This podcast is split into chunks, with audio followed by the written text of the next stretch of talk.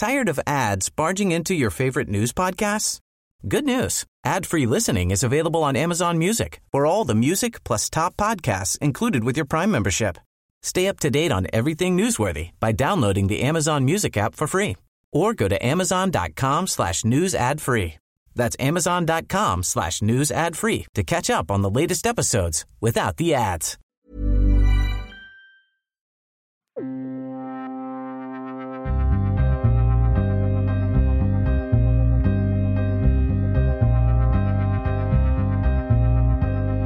En full och hysterisk man jagar ut två personer från sin lägenhet i centrala Stockholm. Det som nyss var en festlig kväll inne vid köksbordet med dricka, musik och umgänge har plötsligt blivit till en mardröm. Mannen hotar, misshandlar och drar kniv mot sina gäster. Men det är inte vilken man som helst som dessa personer utsätts av. Det är vislegendaren Cornelis Vreeswijk. Brottet får stor medial uppmärksamhet och Cornelis själv hamnar snart i fängelse till följd av sitt agerande. Men det är inte första gången den välkände musikern hamnar i blåsväder. Missbruk, bråk, skandaler och löpsedlar präglade majoriteten av Cornelis Vreeswijks liv. Och även om vi idag ser tillbaka på Cornelis och främst tänker på hans musikskatt så försatte han sig också ofta i trubbel. Följ med oss när vi djupdyker i skandalerna som omgav Cornelis Vreeswijks liv. Du lyssnar på Nöjesbubblan och mitt namn är Jonna Claesson. Glöm inte att prenumerera på podden för att inte missa några avsnitt.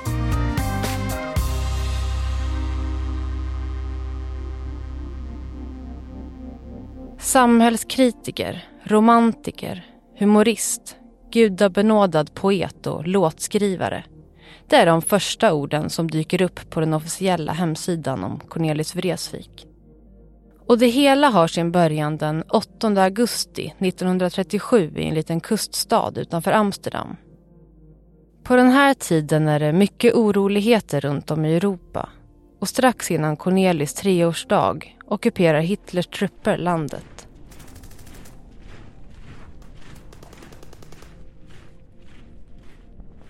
Läget är tufft för många och familjen Vreeswijk är inget undantag. Det är ont om mat och i stora delar av landet är det många människor som svälter. Under flera års tid är krigets verklighet det som omfamnar hela Europa. Nöjeslivets Anders Löv har läst på mer om Cornelis liv. Uh, ja, men några år efter att tyskarna till slut har besegrats så eh, åker Cornelis pappa på en jobbresa till Sverige. Och då besöker han Ekerö i Stockholm och han blir väldigt tagen av den platsen, naturen, vattnet och allting. Det är någonting som fastnar i honom. Så, så fort som han kommer tillbaka till eh, Nederländerna igen så väljer han att packa ihop familjen och väskorna och åka raka vägen tillbaka till Sverige.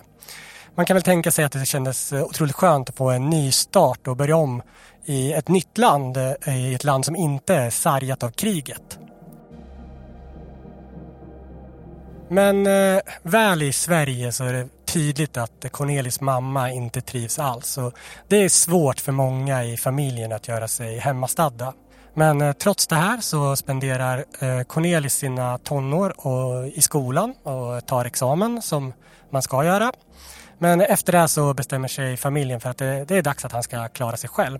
Så eh, han bestämmer sig för att han ska gå till sjöss och eh, mönstra på som det heter. Men det går väl inte riktigt som han hade tänkt.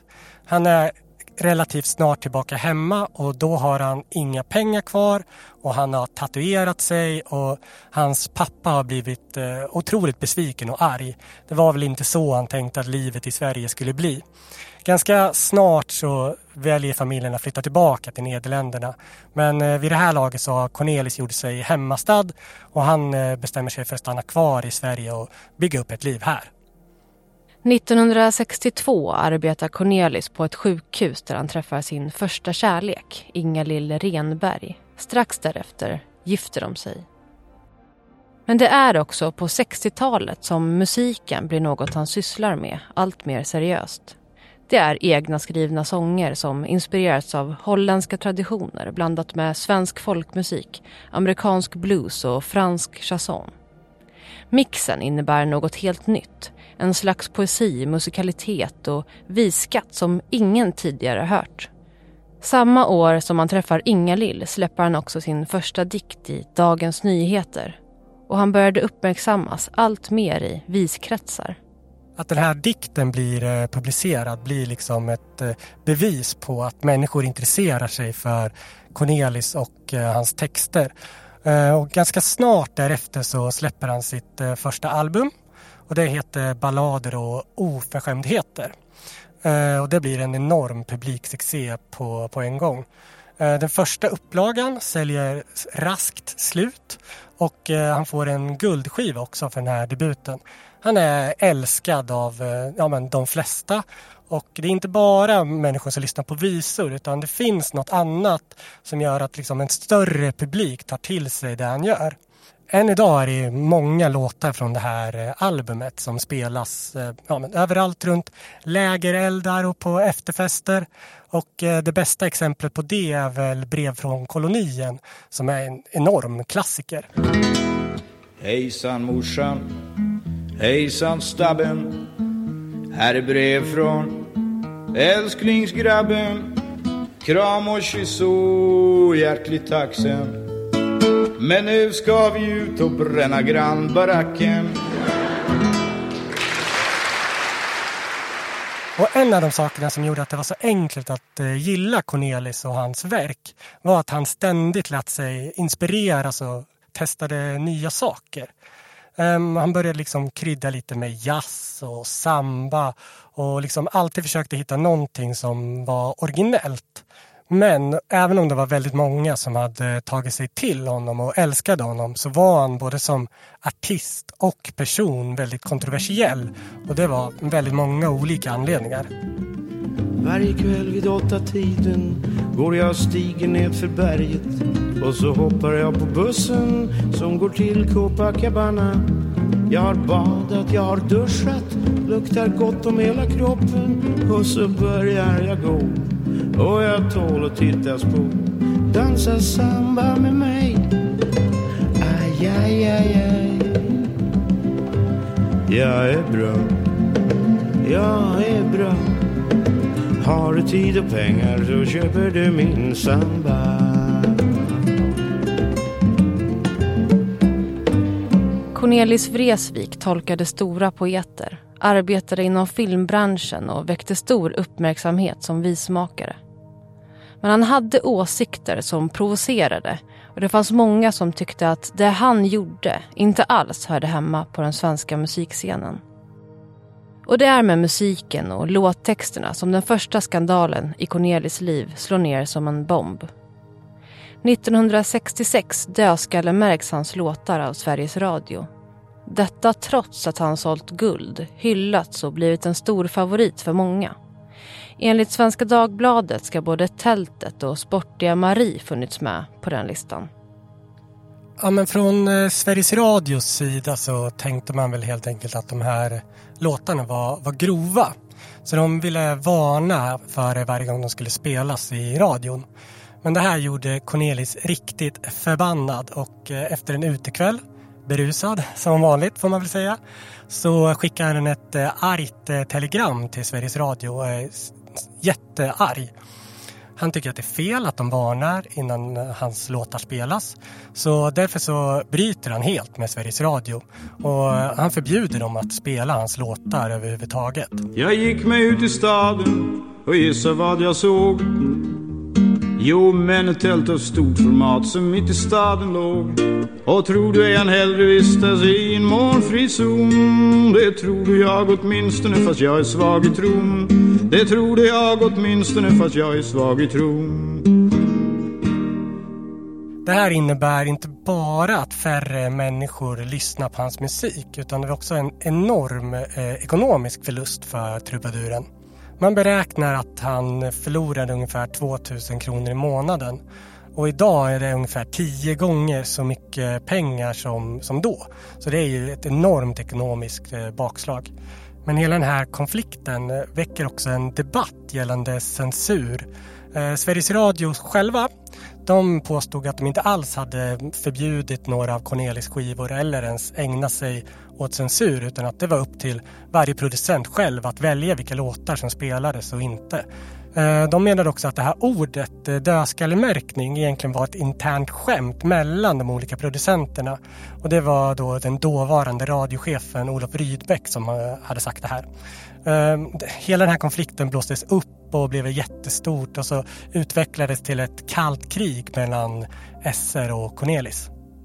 Utöver medias rapportering om den här censuren så reagerade även Socialdemokratiska studentförbundet som tyckte att något behövde hända.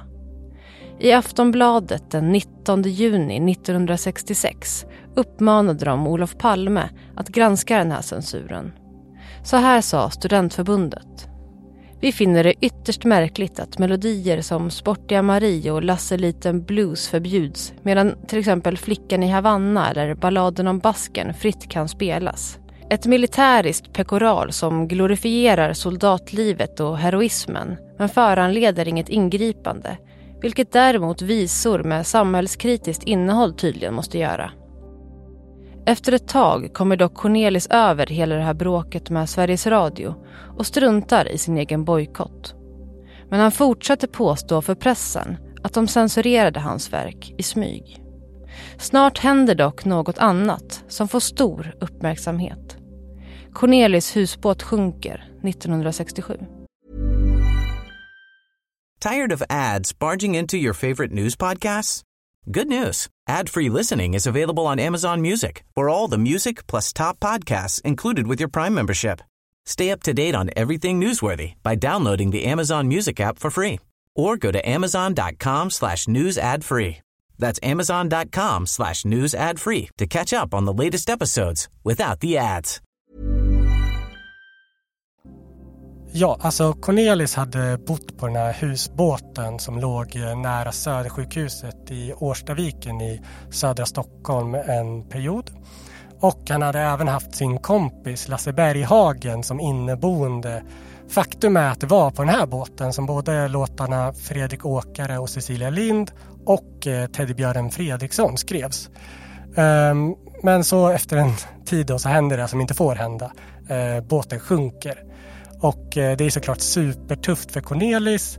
Men det är också ganska tufft för oss andra. För jag kan väl i alla fall tänka mig att den här båten skulle ha varit K-märkt idag. Att man skulle kunna gå dit och titta på den här fina platsen när de här superklassikerna skrevs. Men ja, det blev inget med det eftersom att den eh, sjönk. Men i den här tragedin så blir Cornelis inte bara hemlös utan det försvinner också jättemycket arbete. Han har skrivit film, manus och vistexter som eh, går under med båten.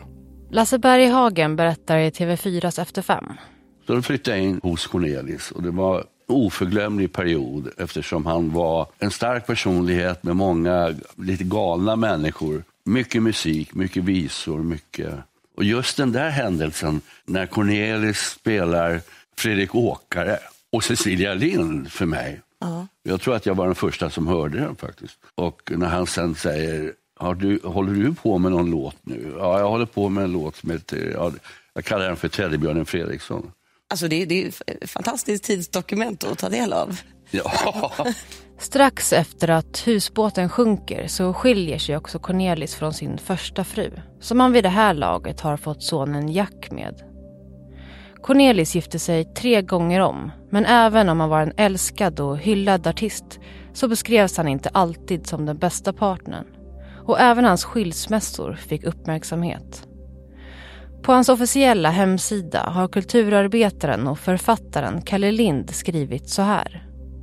Citat. Jag har en känsla av att Cornelis i det privata många gånger var en skitstövel. Även om vi låter sprit vara en ursäkt skulle den nog inte ursäkta allt. Homofobi och manschauvinism är inte längre alla mode på 2000-talet. Hemingways mansbild framstår med moderna ögon i all sin nakna skröplighet med ansiktet vänt från verkligheten och huvudet högt ovan molnen. Att lämna fru och barn för alkoholen och karriären betraktas idag som ett osympatiskt val. Och ni som var med då får säga vad ni vill. Men det borde det ha gjort redan då. Alkoholen och missbruk var en stor del av Cornelis liv men sonen Jack var ändå väl medveten om allt som hände sin pappa. Han berättar i Nyhetsmorgon. När han var närvarande så var han ju högst närvarande. Men han var ju dessvärre inte så jätte närvarande. Han hade inga så här höga närvaropoäng. Liksom. Och det, det, det, förstår man ju mer och mer ju äldre man blir. Man, liksom, eh, man får en bild av hur han levde på den tiden. Och inte bara genom eh, skvaller och, och, och liksom, utan det, man har ju liksom luskat reda på grejer själv. Man har ju träffat folk som har umgåtts med honom. Man har läst lite, lite brev och lite dagböcker. Och så. Man förstod ju att hans liv var ju... Han, han blev ju på något sätt stjärna över en natt. Det var ju verkligen, om man ska dra till med en klyscha. Alltså, från att ha levt otroligt... De var ju, morsan och farsan var ju fattiga. De bodde i en liten lägenhet på Svartensgatan. De hade inga stålar, ingenting. Och sen bara small det till. Då hade han liksom tusentals kronor på fickan och alla visste vem han var. Det är klart att det, det hände grejer i huvudet på honom. En av de mest omskrivna skandalerna i Cornelis Vreeswijks liv blir en av hans fängelsedomar. 1975 är ett mörkt år för den holländska trubaduren och han polisanmäls flera gånger om. Det mest uppmärksammade av alla brott han begått började, som det så ofta gör, en kväll ute på stan. Ja, man kan eh, lugnt säga att eh, Cornelis var en man med ett hett temperament. Och eh, den här kvällen som till slut kommer leda till det här fängelsestraffet är väl om någonting ett bevis på det här. Han är ute på stan och han har druckit några öl med sina kompisar och sen senare på kvällen så bestämmer han sig för att lämna sitt sällskap för att istället bege sig av för att, som han själv beskriver det, få tag på en kvinna. Så Cornelis hoppar in i en taxi och så beger han sig mot Regeringsgatan i centrala Stockholm. Efter en stund så träffar han på två personer som han eh, uppfattar som prostituerade kvinnor. De bestämmer sig alla tre för att eh, åka hem till Cornelis och ha efterfest. Och så börjar de dricka och festa och eh, ja, men hänga i köket som man gör. De spelar musik och har det väldigt trevligt. Men eh, rätt så snart så händer det någonting som vänder hela kvällen upp och ner. Personerna i Cornelis lägenhet visar sig vara transpersoner. Något som gör honom väldigt arg och upprörd. Men han ber dem inte bara att gå, utan situationen eskalerar istället snabbt. Cornelis är full, fly förbannad och kanske känner han sig också aningen kränkt. Han börjar slåss och plockar fram en kökskniv som han använder. Han knivhugger dem och jagar ut dem under hot. Media var till en början något försiktiga när de rapporterade om händelsen. Men Cornelis själv gick ut och berättade vad som hade hänt. Så var det med många av skandalerna som omgav hans liv. Författaren Claes Gustafsson som skrivit en bok om Cornelis har förklarat för Dagens Nyheter hur han ibland nästan skapade rubrikerna på egen hand. Så här har han sagt till tidningen. Citat. Han berättade ibland mer än han kanske borde ha gjort. Han växte ju upp med en katolsk mor och jag har en teori om att han använde pressen som ett slags biktstol. Nu säger jag allt så är du ur världen. Slutcitat. Till slut får han en månads fängelse för misshandel och olaga hot och senare det året också två månader för ett krogslagsmål. Samma år skiljer han sig från sin andra fru Väl på fängelset fick han i uppgift att hjälpa andra personer som hade alkoholproblematik trots, eller kanske på grund av, sina egna missbruksproblem. I en intervju med Expressen från fängelset sa han då citat. Eftersom jag själv brukar ta ett par järn har jag säkert lättare att förstå och tala med dem än många andra. Jag gillar jobbet. Jag tar emot mellan 50 och 70 personer på en kväll. De får lätta sina hjärtan. Jag försöker trösta dem hjälpa till att skaffa tak över huvudet eller ge några kronor till en matbit. Det känns riktigt att kunna hjälpa till. Slutcitat. 80-talet är kantat av diverse svårigheter för Cornelis. 1982 är han nära döden när hans lägenhet på Odengatan plötsligt fattar eld. Men han kommer därifrån och lyckas fly undan lågorna. Det hela ska ha orsakats av en tappad cigarett. Stjärnan bor sedan en sväng i Köpenhamn men han börjar få diverse olika krämpor. Och när han kommer tillbaka till Sverige 1985 ger läkarna honom bara ett halvår kvar att leva. Ja, det är väl så enkelt att det är Cornelis hårda liv som till slut har kommit ifatt honom. Han har vid det här laget både leverskador och diabetes och han är väldigt svag och skröplig. Han får snart också en cancerdiagnos och sen den 12 november 1987 så dör han på Södersjukhuset. Men skriverierna om honom slutade inte riktigt där. Utan snart kom det fram att Cornelis hade skuldsatt sig upp över öronen. Ehm, man kan ju enkelt tro att han lämnade efter sig ett väldigt stort arv eftersom att det finns eh, det här Cornelis-stipendiet som delas ut varje år. Och det är på ganska mycket pengar. Det kan vara mellan 750 000 till 500 000 kronor. Och ehm, bland de som har fått det tidigare är till exempel hans kompis eh, Lasse Berghagen men även Torsten Flink och Lena Nyman. Förra året så var det Doggy Doggelito som eh, fick stipendiet. Cornelis var många saker men intresserad av bokföring och skattedeklarationer var han absolut inte. När han väl dog så lämnade han efter sig skulder på cirka 1,8 miljoner kronor. Idag har den här stiftelsen gott om pengar eh, och eh, Cornelis skrev i sitt testamente att han ville att framtida intäkter från hans musik skulle delas ut eh, på det sättet som det gör idag. Cornelis blev 50 år gammal och bakom sig lämnade han en musikskatt som få andra har gjort i Sverige. Han har inspirerat flera generationer av musiker, blivit känd som en av våra största genom tiderna. Men genom livet hann han också skapa rubriker, sätta igång livliga debatter, avtjäna fängelsestraff och använda pressen som någon typ av bikt. En sak är däremot säker. Minnet efter honom bleknar inte i första taget.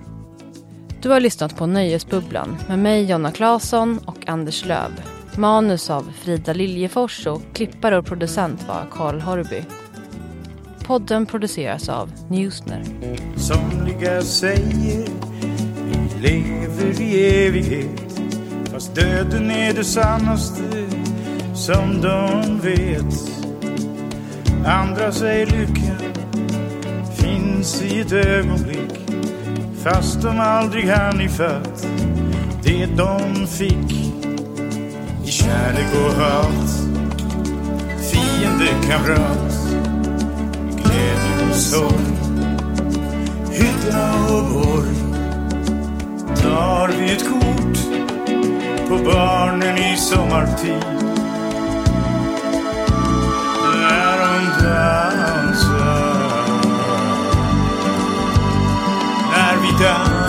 dansar en stund på jorden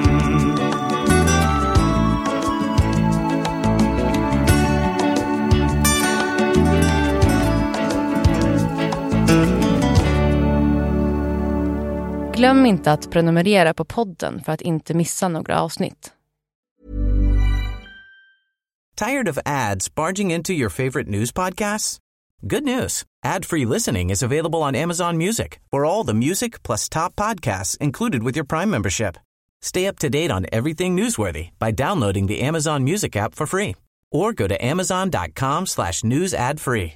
That's amazon.com slash news ad free to catch up on the latest episodes without the ads.